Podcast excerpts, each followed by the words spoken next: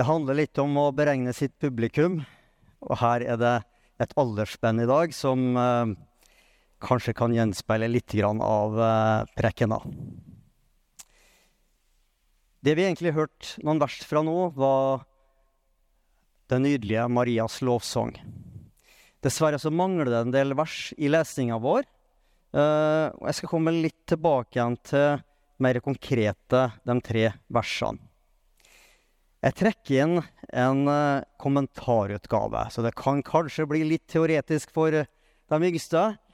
Men uh, det skjedde noe i går i forbindelse med en gravferd som gjorde at jeg måtte bare grave litt i tekstene.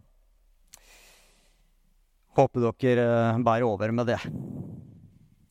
Om vi går til Lukas-kommentaren som den svenske biskopen Bo Giertz har gitt ut, så gir han oss ny innsikt. Engelens budskap i det tilfellet her var på mange måter utopisk. Ikke bare skulle den aldrende Zakaria bli pappa på sine gamle dager. Han skulle føde en stor gudsmann. En nasir som ikke smakte vin, og som skulle bli lik profeten Elia fra Det gamle testamentet. Det var egentlig litt absurd, fordi Israels profetier om ei frelsestid var i praksis gitt opp. Det var 400 år sia siste profeti var skjedd, og på denne tida så var Israel på en måte utslokka. Og pessimismen var total. Og fordi Zakaria ikke tror på denne engelen, så veit vi at han blir gjort taus i flere dager. Det kommer ikke et ord ut av hans munn. Det handler om at Johannes døperen skulle bli den nye Elia. Døperen Johannes vil bli jeg kan kalle rundingsbøya mellom det Gud har gjort i Det gamle testamentet, og nå det som utfolder seg i Det nye testamentet av Lukas. Både Zakaria, Johannes og hans mor Elisabeth var av presteslekt. De representerte en kjærlighet til Gud og loven, som var Israels hva Gjerts velger å kalle adelsmerket. Marias lovsang. Det er litt rart at dagens evangellesing, som jeg nevnte, ikke inkluderer alle versene i lovsangen. For den er utrolig vakker. Så jeg skal forsøke å forklare kort. Her presenteres en poesi av solid hebraisk håndverk. Noe helt annet enn Det nye testamentet. Det tekstlige forbildet kommer tydelig frem fra Gammeltestamentet og Hannas lovsang. I første Samuels bok to. Maria forstår intuitivt at Gud griper inn. Hun lar henne få stå til tjeneste. Vi må også ha i mente at Maria skal få føde Guds sønn, Jesus Kristus. Men det er mange skjær i sjøen.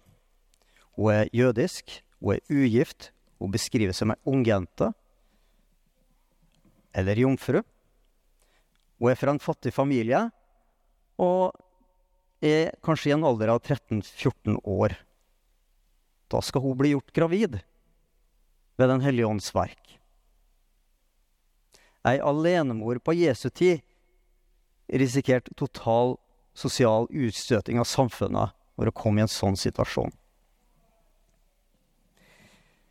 Og eh, det er nok å flytte oss tilbake igjen til 1950-tallet i Norge, hvor eh, alenemødre hadde utfordringer, vil jeg anta. Slik jeg husker historien. Og her registrerer vi at Gud velger da ei marginalisert jødisk jente å handle inn i vår historie. Det er i denne sosiale konteksten Marias lovsang gjør sånt inntrykk på meg. Da kan en spørre seg gjør ikke Gud et storverk her, som får innvirkning helt frem til i dag i Sykkylven kirke?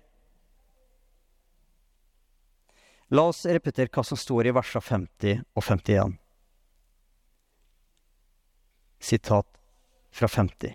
Fra slekt til slekt varer hans miskunn over dem som frykter ham. Her dreier det seg om uttrykket 'de stille i landet'. Og da henspeiles på dem som la sitt liv i Guds hender og lot være opp og ned, men heller konsentrerer seg om Guds vilje, i motsetning til eksempelvis selotene på Jesu tid. Videre i vers 51. Han gjorde storverk med sin sterke arm. Han spredte dem som bar hovmodstanker i hjertet. Sjølve grunnfortellinga i Bibelen, frigivelsen av israelittene fra slaveriet i Egypt, kan stå som en, eh, en grunnfortelling her. Guds høyre hånd samvirka med Moses, som vi veit, åpner havet, slipper israelittene fri og lar vannmassene ødelegge faraos hær. En ny stor hendelse skjer ved Jesu liv og virke, Kort fortalt, om lag 300 år etter Jesu død og korsfestelse, så innføres kristendommen som statsreligion i den romerske kolonimakta. En historisk begivenhet som viser at Guds høyre hånd er virksom i verden. Kjære menighet, hvorfor trekker jeg inn alt dette på sjølveste festdagen 17. mai? Ja, skulle jeg ikke finne mer hverdagslige poeng, og takke for at Norge ble et fritt land både fra danskekongen og det tyske riket? Jo, jeg trekker det inn fordi jeg tror vi trenger å relære oss som menighet hvorfor vi skal fastholde trua på Gud og håpet i Jesu frelsesverk på korset. Vi har vel alle hatt våre prøvelser i fortida, vi også, og slik jeg tolker det, så ligger det store håpet gjemt i frelseshistoria fra Det gamle testamentet. Marias lovsang trekker mye innsikt inn fra den gamle boka. Det blir for ustabilt å bare hvile i Det nye testamentet og Lukas evangelium. Vi må forstå frelseshistoria sett i et mye større historisk perspektiv. Så hva kan det bety for vår hverdag sett ut fra 17. mais frigjøringsperspektiv? Gud ser, forstår og hjelper dem marginaliserte. Det leser vi nå. Vi sitter med ulike erfaringer knytta til hendelser i livet som kan føles vanskelig. Det kan være mobbing, ulykker, trakassering og en fornemmelse av å være fanga i utfordrende situasjoner. Men ved å gi slipp og bli blant de stille i landa, så kan vi kanskje få erfare det som står skrevet i Jesaja 30. Sitat. Så sa Herren Gud, Israels hellige, vender de om og heller ikke i ro, skal de verta frelste. I stillhet og tillit skal ikke styrke være. Ære være Faderen og Sønnen og Den hellige ande, som var og som er, fra evig og til evig. Amen.